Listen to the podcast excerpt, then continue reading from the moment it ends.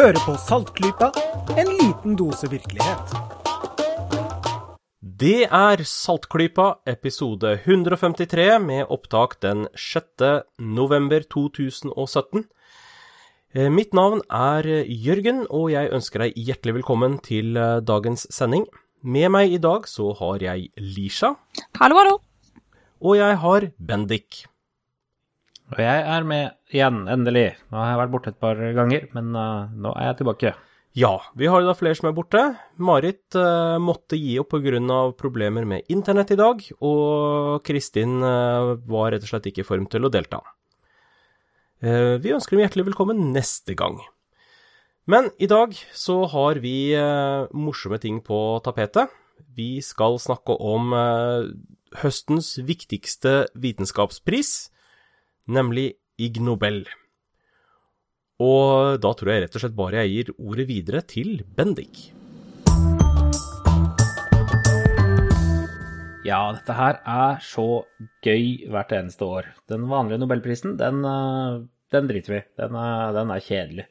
Eh, ingen eh, overraskelser omtrent eh, i eh, hva som eh, kom ut av den i år, i hvert fall. Nei. Men derimot Ig Nobelprisen, den er litt annerledes. For de som ikke kjenner den, så er det en eh, pris som gis ut eh, hvert år i eh, de feltene som de følger for det året. Basert på god forskning som får deg til å tenke litt. Eller som de sier selv, får deg til å først le, og så tenke. En av mine favoritteksempler på en Ig Nobelpris var en, faktisk gikk en nordmann som forsket på hvordan reinsdyr oppfører seg hvis det kommer en mann i isbjørnkostyme forbi. Ja. Uh, og da, ja. uh, så, så egentlig uh, Let's get right to it, sier nå jeg. Ja, fordi som du nevnte, så er det jo ulike kategorier hvert år ut fra hva de har lyst til. Eh, Så nå er jeg spent, for jeg har ikke fått med meg dette her i år i det hele tatt. Nei, men det, det er bra. Uh, la oss begynne med, eh, med biologiprisen. Den gikk i år til et japansk-brasiliansk samarbeidsprosjekt. Uh, rett og slett at de fant en uh, De fant et huleinsekt med artsnavn Netrogla prionglaridade, som jeg sannsynligvis ikke har uttalt riktig. Det er et lite, lite insekt, ca. halvannen millimeter eh, stort. Eh, lever i Brasil. Eh, og der oppdaget de at kvinnen har en penis, og mannen har en vagina. Jaha. Ok. Eller hannen har en vagina. Eh, det eh, jeg, jeg forstår ingenting av dette her. Det var litt leit at, at Marit ikke kunne være med, for hun er biologen her, så hun kunne forklart hva i Hva er det egentlig som foregår her? Eh, Men jeg prøvde å, prøvde å lese litt uh, denne artikkelen, uh, og ja, den, så det, kvinnen har en penis som da suger til seg mannens sæd. Hæ. Eller grar den med inn seg, mens da mannen bare samler opp, Aha. Så er det så vidt jeg forsto. Uh, Det er ikke så lett å lese disse journalene for oss lekfolk alltid. Det kan du si. Uh, Men vi kan, uh, vi kan ta en uh, tur videre eh, til fredsprisen. Det er en fredspris i i år. Eh, Fredsprisen er eh, gitt ut for noen som fant en god metode å forhindre søvnapnase og eller snorking. Oi. Ja, det er virkelig noe som er fredsprisen verdt. Ja. Så det er en sånn uh, halv, halvusarkastisk fredspris, dette her.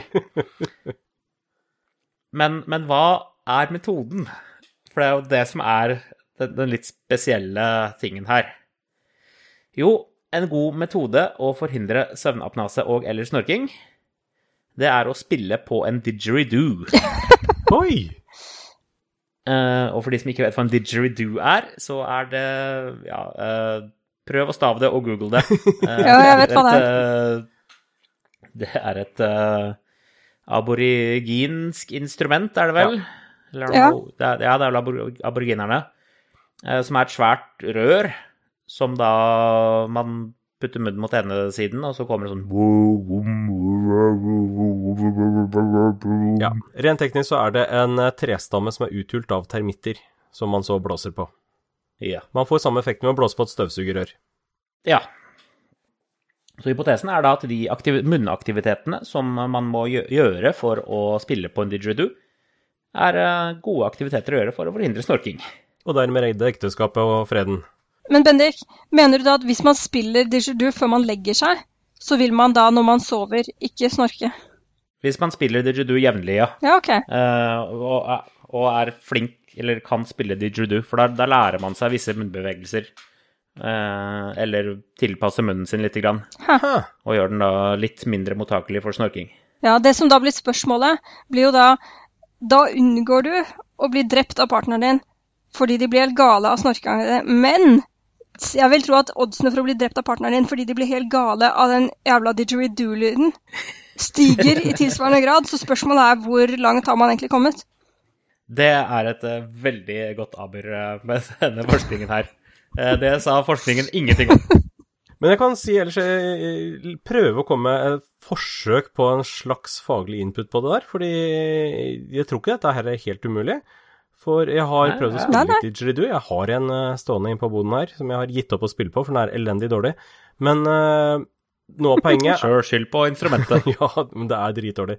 Det er mye lettere på støvsugeren, men det gidder jeg ikke. Ehm, men poenget er at eh, for å få sånn ordentlig DJ-dooley, så skal du ha sirkelpust. Så at du skal ha kontinuerlig lyd. Du skal ikke stanse opp for å puste. Og da må du Ah. gjøre en del Ah. ganske komplekse bevegelser for å fange luft i munnen og blåse det ut bare med kinnmusklene, samtidig som du trekker ny luft inn i lungene med gjennom nesa. Eh, og det Ah. er en sånn koordinering som krever en del trening. Og jeg kan godt tenke meg at oppi det der eh, får en eh, type trening av muskulaturen som vil eh, hjelpe til på et eller annet vis. Ja, Fiffig. det er nok akkurat den, den effekten man, man prøver å få. Kult. Spennende. Neste, neste pris som ble delt ut, var Anatomiprisen. Eh, Det var rett og slett et, et forskerteam, eller jeg tror det bare var én fyr, som, som svarte på spørsmålet Hvorfor får gamle menn store ører? Men det tror jeg kanskje jeg vet. Altså, er det ikke sånn at ørene bare De slutter liksom ikke å vokse? Det er det jeg har hørt. Og så når du blir gammel, så krymper det jo litt. Ikke bare menn, men kvinner også krymper jo gjerne litt og synker litt sammen og sånn. og sånn at da blir det my mye mer synlig, da. Eller Jeg har i hvert fall hørt det, så du også, Jørgen, at ørene slutter egentlig aldri å vokse. Eller, og her kommer alternativ hypotese, de som har store ører, lever lenger. Ja. Ah, Så de som er gamle, har store ører fordi de har store ører. Ja, eh, det var selvfølgelig en tullete hypotese, men eh, jeg bare hadde min far i bakhodet her. Han har alltid hatt store ører. Eh, Det som denne forskeren kom fram til, var eh, at svaret var tyngdekraft. Hmm. At over tid så blir de dratt ut. Huh. Fordi vi har ikke så mye motstand i øret. uh, og selvsagt for, eh, for, for å det, det var noen briter som eh, kom med dette forskningsprosjektet her. Dette er veldig viktig i England, tydeligvis. Kult. Hm. Har du noe mer? Uh, ja, ja, jeg har masse av disse her. Uh, økonomiprisen. Eh, hvis du er på et kasino, og det er en krokodille der, Eh, OK. hva skjer? hva skjer? hva skjer? Ja, Øh, hvordan, hvordan eh, fortsetter denne historien her? Uh, eh, eh, mulig fortjenesten til kasinoen går ned? Det er eh, akkurat det som ikke skjer. Huh. Eh, et, eh, siden dette er farlig krypto, så er det et team med australere selvsagt, som, som har funnet ut at da går fortjenesten til kasino opp. Fordi omgang med farlige krypdyr gjør deg mer trolig til å ta økonomiske risikoer. herregud. Ah, du blir pumpa full av adrenalin og Det er sannsynligvis pga. at du blir pumpa full av adrenalin. Ja. Eh, Så vi snakker om at de har den da liksom i en tank, da, så den svømmer rundt og folk ser på den. Den går ikke rundt og liksom eh, hilser på folk. Den skal gjøre deg redd. Men ikke ikke så redd at du rømmer, vil jeg tro. Det er opp til, uh, opp til kasinoet. Eller eh, Hvis man blir eh, redd, så gjør man flere risker. Altså, hadde den gått løs, så tror jeg omsetningen hadde gått ned. Ja, det Men støtter jeg. Men det var egentlig det jeg svarte på, da. Men eh, Ja. med mindre man begynner å ta utgangsbilletter fra kasino. Høye utgangsbilletter. uh, vi har en uh, ernæringspris. Eh, den gikk i år til den første rapporterte forekomsten av menneskeblod i dietten til en vampyrflaggermus. uh, Så i hvert fall aldri eh, vampyrflaggermuser har ikke vært dokumenterte menneskevampyrer tidligere. Men uh, nå har vi bevis for det. Ha. Shit. Medisinprisen i år den gikk til et fransk team, og fransk er et lite clou på hva som eh, skjer videre. Som eh, puttet folk inn i en eh, FMRI-maskin og målte hva som skjer når de blir eksponert til ost. Hvordan blir de eksponert for det? Får de se på det, eller spiser de det, eller hva gjør de? De stapper ost inn i FMRI-maskinen sammen med dem. Så de bare oppholder seg sammen med ost? Ja, og dette er da folk som, eh, folk som sier at de ikke liker ost. Ja, selvsagt. Som da har fått, uh, fått dokumentert hva som, uh, hva som skjer i hjernen deres, da. Mm -hmm. uh, Og jeg er ikke noen fan av ost, så jeg kunne godt vært med på den studien der. Og igjen, nasjonal, nasjonaliteten på, på hva man forsker på, er veldig sigende. Altså, for dette her var et fransk team. De store ørene var engelskmenn. Farlige krypdyr var australiere, selvsagt. Altså, jeg hadde gjerne vært med på doseeksperimentet, men kanskje av motsatt grunn som deg, da. Og så hadde kanskje ikke resultatene vært helt det de så etter. Da hadde du vært kontrollgruppe, Jørgen. Ja. Mm. Det er også viktig å ha. så har vi fysikkprisen. Eh, Og da vil jeg først spørre dere, vet dere hva en reolog studerer? En reolog? R-H-E-O-L-O-G. Hm, nei, det vet jeg ikke. Nei. Har ikke hørt om. En reolog uh, Ja, nei, jeg, jeg skal forklare dette her ved hjelp av noen bilder, tenkte jeg. Uh, i, I chatten her så har jeg sendt over noen eh, bilder til dere. Ja. Kan ikke dere plukke opp et av de og beskrive for lytterne hva dere ser? Oi, oi, oi. Eh, Jeg ser et glass som er kanskje Eller det kan være en vase, det er litt vanskelig å se fordi det er litt ovenfra. Eh, og så oppe i den eh, så er det en perserkattunge, og det er bare hodet som stikker ut. Og hodet er egentlig forbløffende stort med tanke på hvor lite plass det ser ut til å være til resten av kroppen, som da er inni denne, dette ja, melkeglasset, eller hva det er. Så ser han litt betuttet ut, men han er veldig veldig søt, selv om han ser litt uh, vanskapt ut òg, for det er jo en perser. Jeg ser bilde av eh, en kattunge som er inne i en sokk. Eh, så bare ansiktet stikker ut av sokken, og ellers er hele sokken fylt med kattunge, og den sitter oppreist eh, i eh, en sofa, og ser egentlig ut til å kose seg. Så det som, det som er med disse her, er Dette her er katter som klarer å nærmest tilpasse kroppen sin til å fylle opp den plassen de har, helt fint, som en væske, nesten. Så dette her Reologi er eh, studien av eh, materialer som er fast form, men flytende. Det vil si ikke, ikke sånn like flytende som en væske, og ikke like fast som en murstein, men sånn ja, litt sånn derre ting som er liksom fast, men som renner ut over tid, da. Litt sånn tjære, for eksempel, Mhm. Som er skikkelig tjukt, okay. men, uh, men væske som er liksom i grenseland mellom fast form og der. Og en uh, fransk fysiker, en, eller en fransk reolog, har uh, gitt ut uh, denne artikkelen, som gjør masse, masse utregninger på reologidataene på hvor flytende er en katt. Kan en katt både være et fast stoff og et flytende stoff samtidig? Ofte ser det ut som det svaret er ja.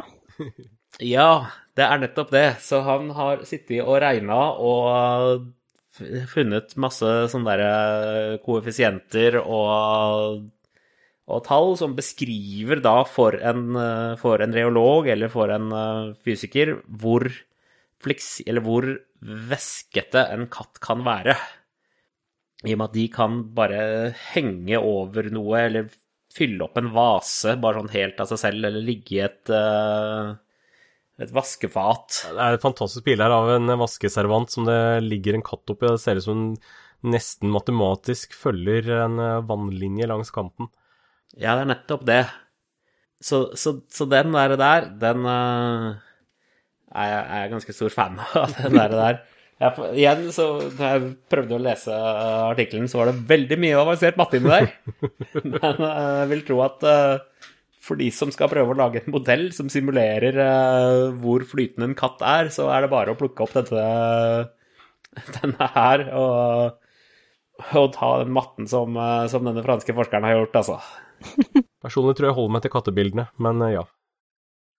Men ikke for å være outdone med dette her, så har vi også, i tillegg til da, dette her, som har fysikkprisen, en egen pris innenfor fluid dynamics, vil si da væskedynamikk, som er, som er noe helt annet.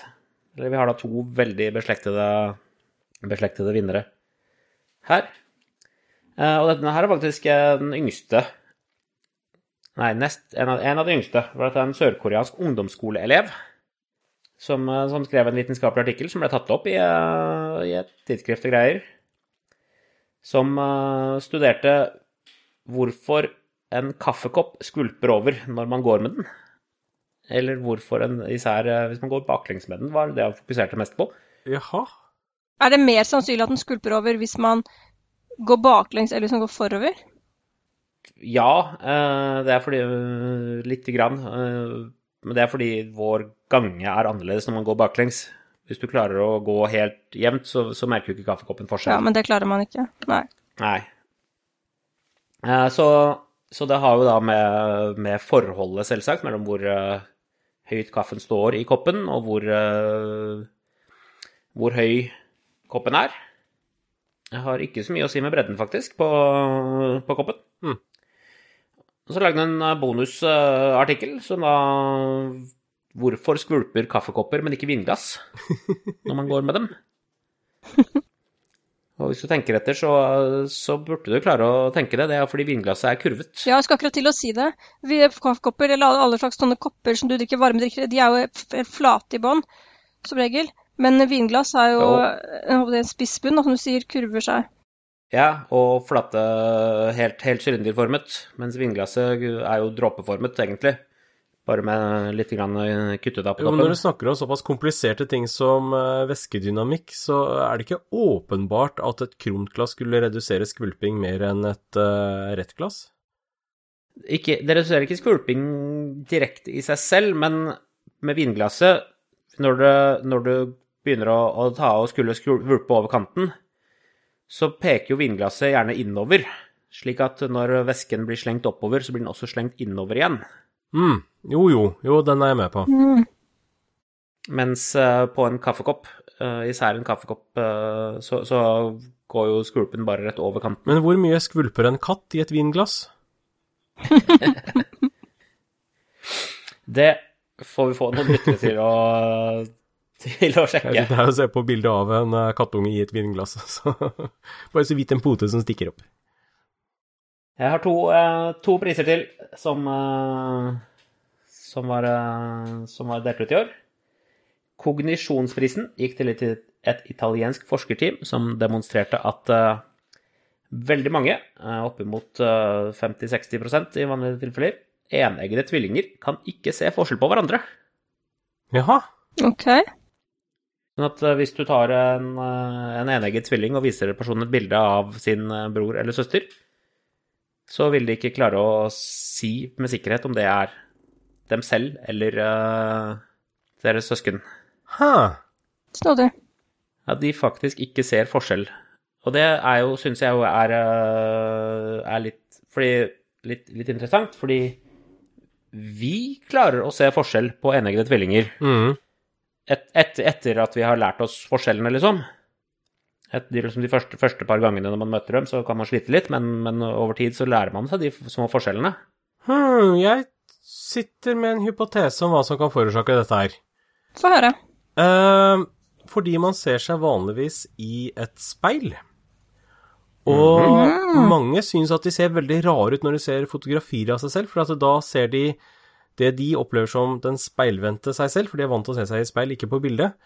Eh, så de blir litt rare. Og når du selv opplever deg selv som litt rar på et bilde, så er det kanskje ikke så lett å plukke opp de der små nyansene som kan være forskjellen mellom uh, eneggede tvillinger. Det var en av uh, de effektene som de fikk til. Den Jeg andre, på er, en!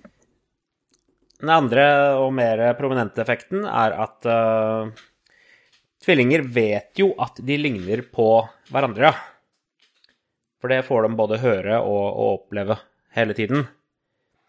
Slik at når de ser sin bror eller søster, så tenker de 'Å, den personen der ser ut som meg'. Og dermed så, så i hjernen din så bare blander du ditt eget selvbilde og uh, bildet av uh, din tvillingbror Ja, det gir jo til, også mening. til at det bare blir et sånt uh, amalgam av dere begge to. Riktig. Og da når du ser et bilde av enten deg selv eller den, så, så matcher du liksom begge i, i hodet ditt. Snedig. Dette minner meg for øvrig på et Så eh, hvis vi Jeg kan bare fortelle dette, for Det var litt morsomt. Jeg minner på et eh, dokumentar jeg så en gang om nettopp eneggede tvillinger og likheter og sånt noe. Eh, og hvem som kunne kjenne dem eh, fra hverandre. Og da delvis så var det litt morsomt å se at man testet dem ved at de måtte gjøre samme ting. F.eks. se på eh, en skrekkfilm. Da, og de måtte gjøre ting som Uh, hvor du på en måte handler på instinkt. F.eks. at de måtte bare stå rett opp og ned, og så tok noen og kastet en hårbørste til dem. Så fikk de beskjed om å børste håret. Og sånne ting gjorde de identisk. Selv om de, sånne ting som de overhodet ikke tenkte på hvordan de gjorde. Det ble helt likt. Og så det morsomme med det, som jeg skulle frem til, var at de fikk beskjed om å late som de var hverandre, altså bytte klær. Dette var ikke sånne som helt gikk identisk kledd, men som hadde sine egne klesstiler. Så skulle de bytte klær, og så skulle de prøve å oppføre seg som den andre. Og skulle de gå hjem til type familier eller venner eller noe, og så late som de var da tvillingsøster eller tvillingbror. Og de som gikk hjem til foreldrene sine, der så mødrene med en gang Mødrene spurte meg hvorfor har du på deg eh, søster sin trøye. Og sa de nei, men det er jo min trøye, dette her. Nå nei, moren skjønte det med en gang, men fedrene, de merka det ikke. Det tok lang tid før de skjønte at dette her var jo ikke den søsteren eller broren og sønnen eller datteren da, som sa at den var på besøk, men det var faktisk den andre som lot som om det var den som påsto at den var på besøk, hvis du skjønner. Det var ganske Mm. morsomt, for det var veldig mye lettere for mødrene å spotte at det var eh, feil barn, da, for å si det sånn.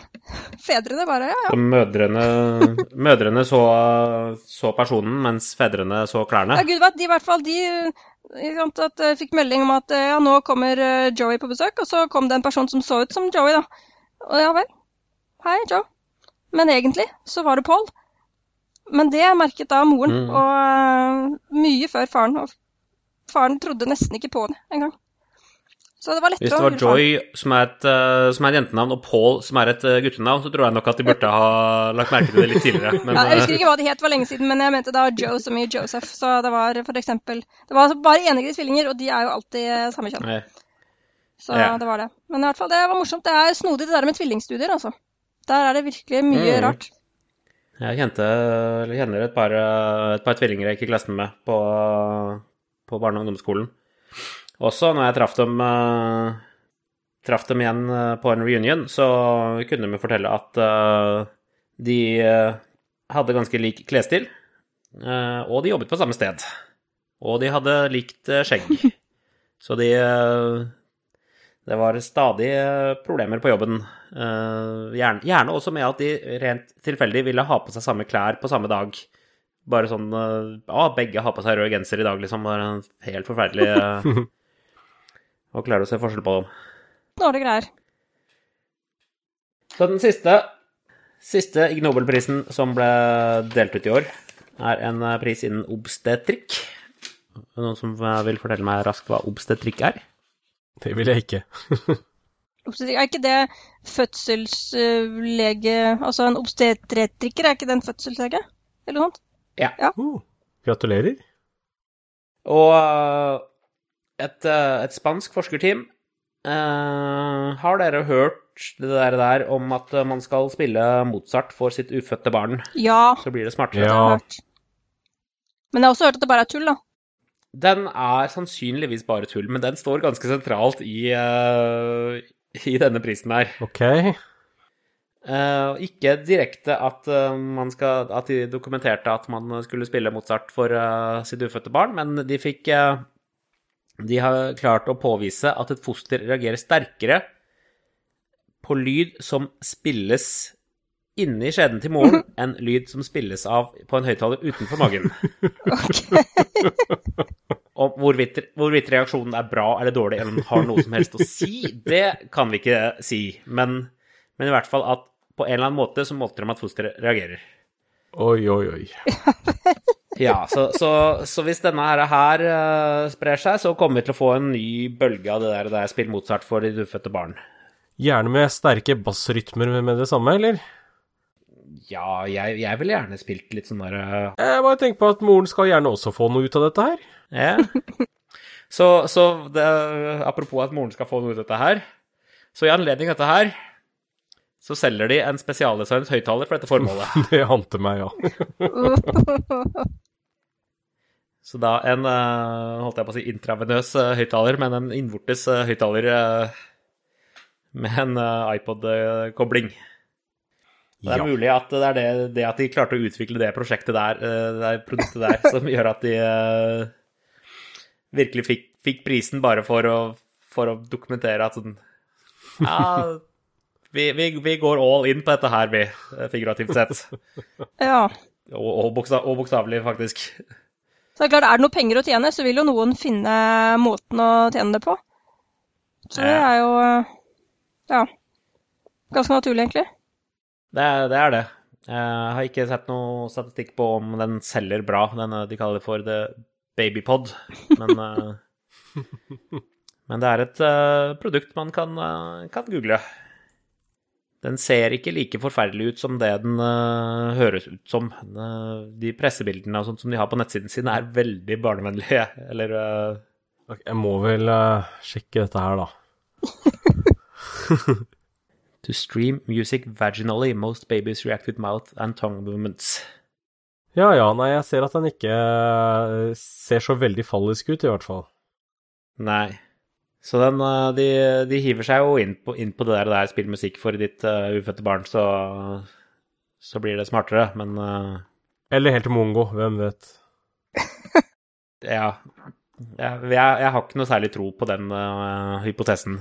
Nei, jeg må innrømme at jeg tror det er viktigere ting du kan gjøre for barnet ditt enn akkurat den der musikken der, altså. Men, men, men. Det, hvis det er noen folk med litt for mye penger å brenne, så må de gjerne bruke det på dette her. Det er For all del. worst helt harmløst. så fremt man husker å vaske den etter bruk. Og så jeg tror jeg ikke du har lyst til å dele på den der. Nei. Nei da. Nei, for all del. Og jeg tror ikke vi kommer til å bytte ut de headsettene vi bruker til opptak av dette her, med en sånn en eh, for de kvinnelige i panelet. Det, det kommer nok ikke tror ikke tror ikke det blir noe særlig bra episode av det. Nei, ja, hva tror du, Bendik? Hva må vi sitte med hver vår oppi rumpa? Mottar signalene via ryggraden opp til eh, skallen? Så du har jo de der nye uh, høyttalerne uh, designa for uh, Broren min har, en, uh, har et nytt eh, headset som ikke, ikke går opp i noen kroppsdeler. Men, uh, men han, er- han vil sykle. Han er ute og sykler i trafikken. Eh, og da er det veldig viktig at du holder eh, ikke, ikke plugger igjen ørene dine med et par hodetelefoner eller med et par ørepropper. Eh, så han har et par eh, par hodetelefoner som ikke går på øret, men som eh, setter seg på kjevebeinet. Og som bare vibrerer lyden inn i hodet ditt. Og så høres det helt likt ut. Ja, jeg har hørt om det, jeg er veldig ivrig på å teste det. Jeg klarer liksom ikke å stole på at det blir god lyd, men jeg er åpen for at det kan funke. Visstnok så funker de kjempebra. Det, og det er, er jo kjempefunky, egentlig, da. Jeg har sett det er noen sånne prosjekter hvor du tar eh, litt tjukke briller som har den teknologien innebygd, og så ser det bare ut som du har på deg briller, og så er det blåtanntilkobling eller noe sånt nå, og så fungerer det som eh, hodetelefoner med den samme. Ja. Det, teknologien eksisterer, og, og er egentlig ganske kul. Men er ennå, ennå ansett litt, uh, litt weird, eller litt, uh, litt til særskilt bruk. Ja. Nei, men eh, funker det bra nok, så er jeg uh, ivrig på å prøve det, jeg, altså. Ja, han sier at uh, den, den i hvert fall funker. Nå har vi sporet litt av eh, den uh, vaginale høyttaleren, men, uh, men, men i hvert fall den gjør at han hører trafikken like godt mens han hører musikken sin. Hm, fiffig. Og det er jo egentlig alt, alt hva han trenger. Ja. Så det var årets Ig Nobel-priser. Dette ble delt ut i, eh, i midten av september, så vi er litt på etterskudd med å rapportere om dette her. Men, Vi er litt på eh, etterskudd med det meste etter uh, opptil flere runder med sykdommer i panelet her. Ja. Ble delt ut i midten av september på den 27. første årlige Ig Nobel-prisutdelingen. Deles ut hvert år på, på Harvard. Men det er også, Bendik, er det, forstår jeg det riktig at det er Det er ikke de samme kategoriene fra år til år? De velger ut hvilke kategorier de syns det har vært noe morsom forskning i? De velger ut eh, de kategoriene som det har vært noe morsom forskning i, ja. Så de, de brede temaene, sånn som økonomi og fysikk og medisin, de går jo igjen til stadighet, men det er ikke, er ikke gitt at de, de er med. Og sånn som i år så hadde vi kognisjon og fluid dynamics, som er litt sånn uh, rare, og for et par år siden så hadde vi en pris i kunst, og en i uh, offentlig helse, og en i uh, arktisk vitenskap, Oh. som han tidligere nevnte Uh, hva skjer med reinsdyr når de ser mennesker som er forkledd som, Isbjørner? som isbjørner. Så de finner, opp, de finner opp kategoriene alt ettersom nøyaktig hva de Ja. trenger. Og eh, alle, alle prisutdelingene ligger på YouTube. De er egentlig veldig morsomme. De er to timer lange, cirka. Det, det er ikke en tørr, kjedelig, eh, kjedelig prisutdeling. Eh, På også noen bilder fra fjorårets, når vi hadde roundupen eh, for i fjor. Og det er innslag som papirflykastekonkurranser, og, eller ikke konkurranse, men papirflykasteseremoni. Det var også en uh, Tripp Trapp treskokonkurranse blant da faktiske nobelprisvinnere og uh, vinnerne av Ig Nobel, for å se hvem som faktisk er smartere. De komponerer veldig mange sanger og sketsjer og små snutter som er relevante. Du har uh, en uh, hvis, du, hvis du går over tiden din, så har de gjerne på, på takketallen din så har de gjerne en liten jente som bare kommer ut fra kulissene og steller seg ved siden av der og begynner å skrike 'Make the man stop! Make the man stop!'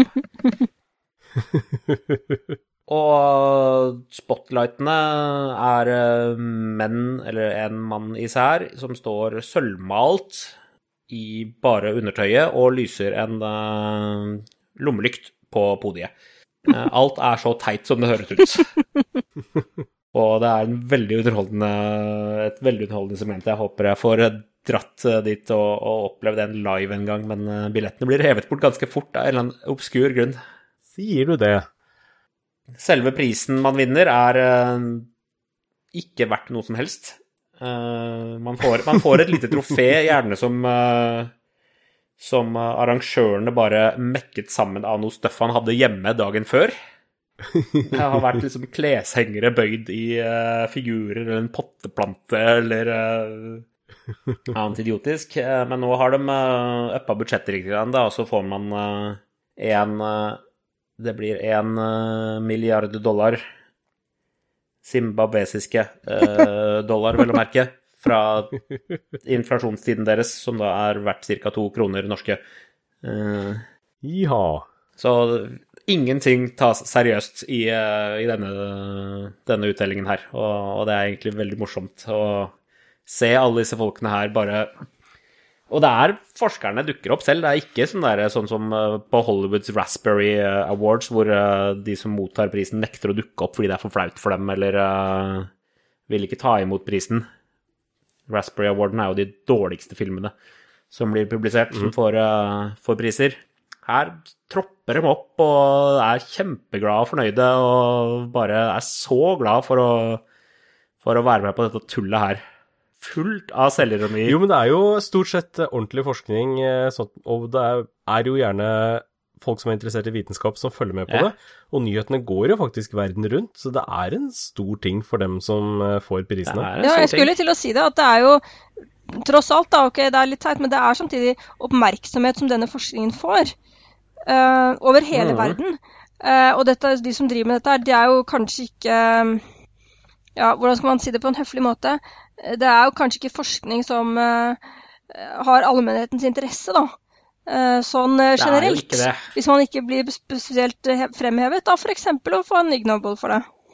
Ja. Det er jo ikke den mest glamorøse forskningen, eh, forskningen som gjøres her.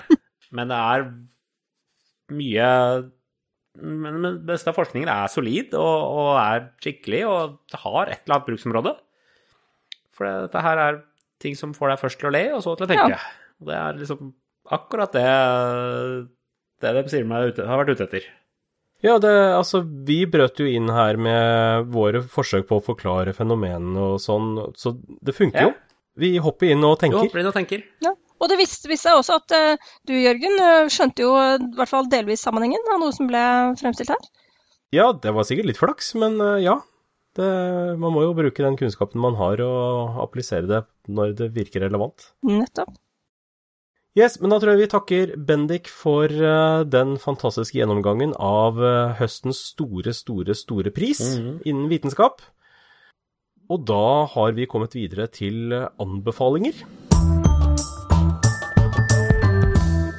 Og da har jeg én. Da vil jeg at eh, dere nå skal eh, late som dere hører fryktelig eh, skummel lyd i bakgrunnen.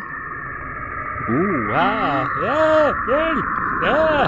Vi er jo inne i skremselsårstiden. Eh, vi er riktignok litt seint ute for å få med oss halloween, men eh, det er fortsatt moro med skrekkfilmer. Jeg har akkurat sett ferdig Stranger Things 2, bare sånn for å holde temaet her. Men det var ikke det jeg skulle snakke om nå. Nå er det NASA som er med på å skremme folk. De har laget en en liten, eller samlet, lyder fra sine utenomjordiske installasjoner i form av diverse romfartøy, hvor de har tatt opp lyder fra forskjellige planeter og disse sondene som er ute.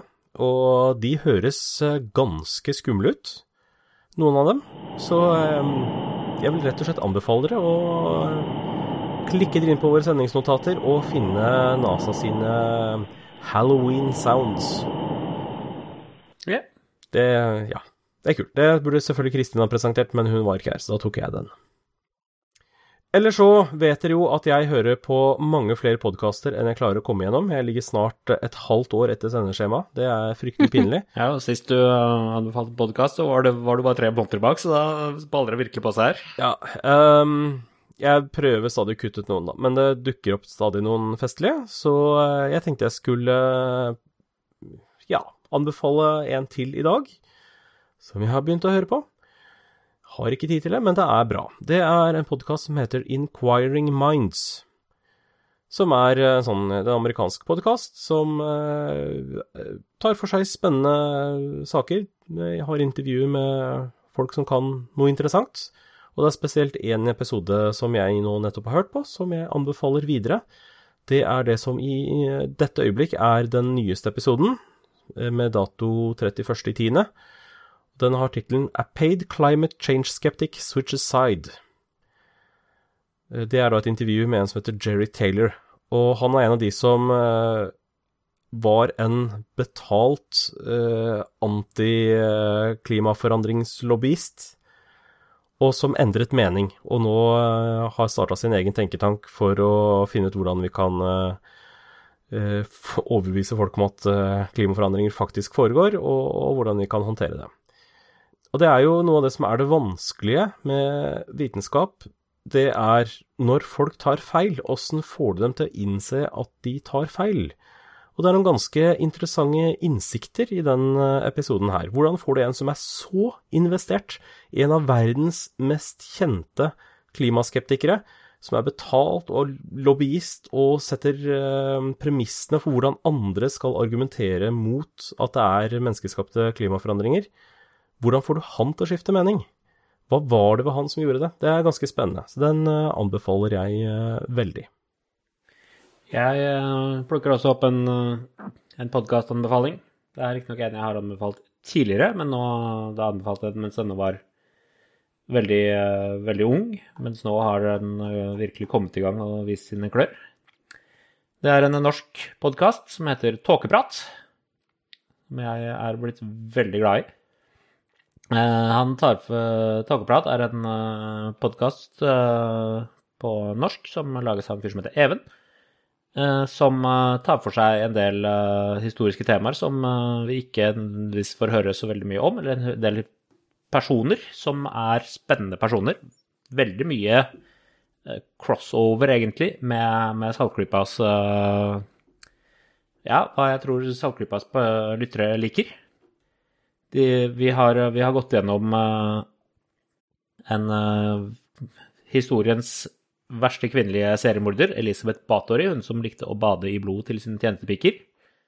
Hmm. Vi har hatt en Sympatisk. en serie om eh, Jeanne d'Arc, godt, eh, godt dokumentert. Vi har hatt en eh, serie om HP Lovecraft, science fiction-forfatteren. Mm. Vi hadde en lang og detaljert serie om eh, Jim Jones og The People's Temple, han som grunnla Jonestown, hvor det skjedde eh, litt av hvert. Mhm. Spoiler alert, de alle døde. Han uh, hadde en uh, god serie om uh, hekseprosessen i Salem. En god serie om den originale Dracula, Vlad Tepes. Og i det siste så har han akkurat fullført en serie om medisin... Eller sykt, vanlige sykdommer i middelalderen. Smittsomme sykdommer. Alt fra svartedauden til eh, biologiske våpen. Tuberkulose, kopper, svartedauden, influensa, dysenteri, kolera, malaria. Og eh, det han holder på med akkurat nå, i siste, siste par episodene, er en eh, serie om en fyr som heter Alistair Crowley, som hvis man er litt over gjennomsnittet interessert i det okkulte, så er det et navn som har dukket opp ganske mye i, i nordeuropeisk okkultisme. Eh, historie. Ja, han er jo en eh, meget kjent person. Ja, og nå går vi gjennom eh, livet hans. Så, så tåkeprat på, på tåkeprat med to a-er.com. Kjempekvalitetspodkast, altså. Lytt på den. Han fortjener lytterne. Kult. Ja. Men da var det vel ikke flere anbefalinger? Så da er det egentlig bare på tide å si takk for følget denne gangen. Det var eh, hyggelig å være med dere og få litt eh, innføring i eh, det viktigste som har skjedd i øst. Og så ses vi igjen om et par uker. Det gjør vi. Det gjør vi. Ja. Ha det bra. Ha det så bra. Ha det bra. Saltklypa lages av Kristin Lisha, Jørgen og Bendik.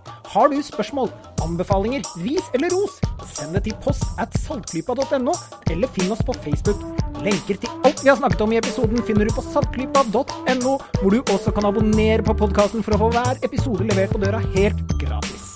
Takk til Smart 9000 fra Evig poesi som har laget kjenningsmelodien.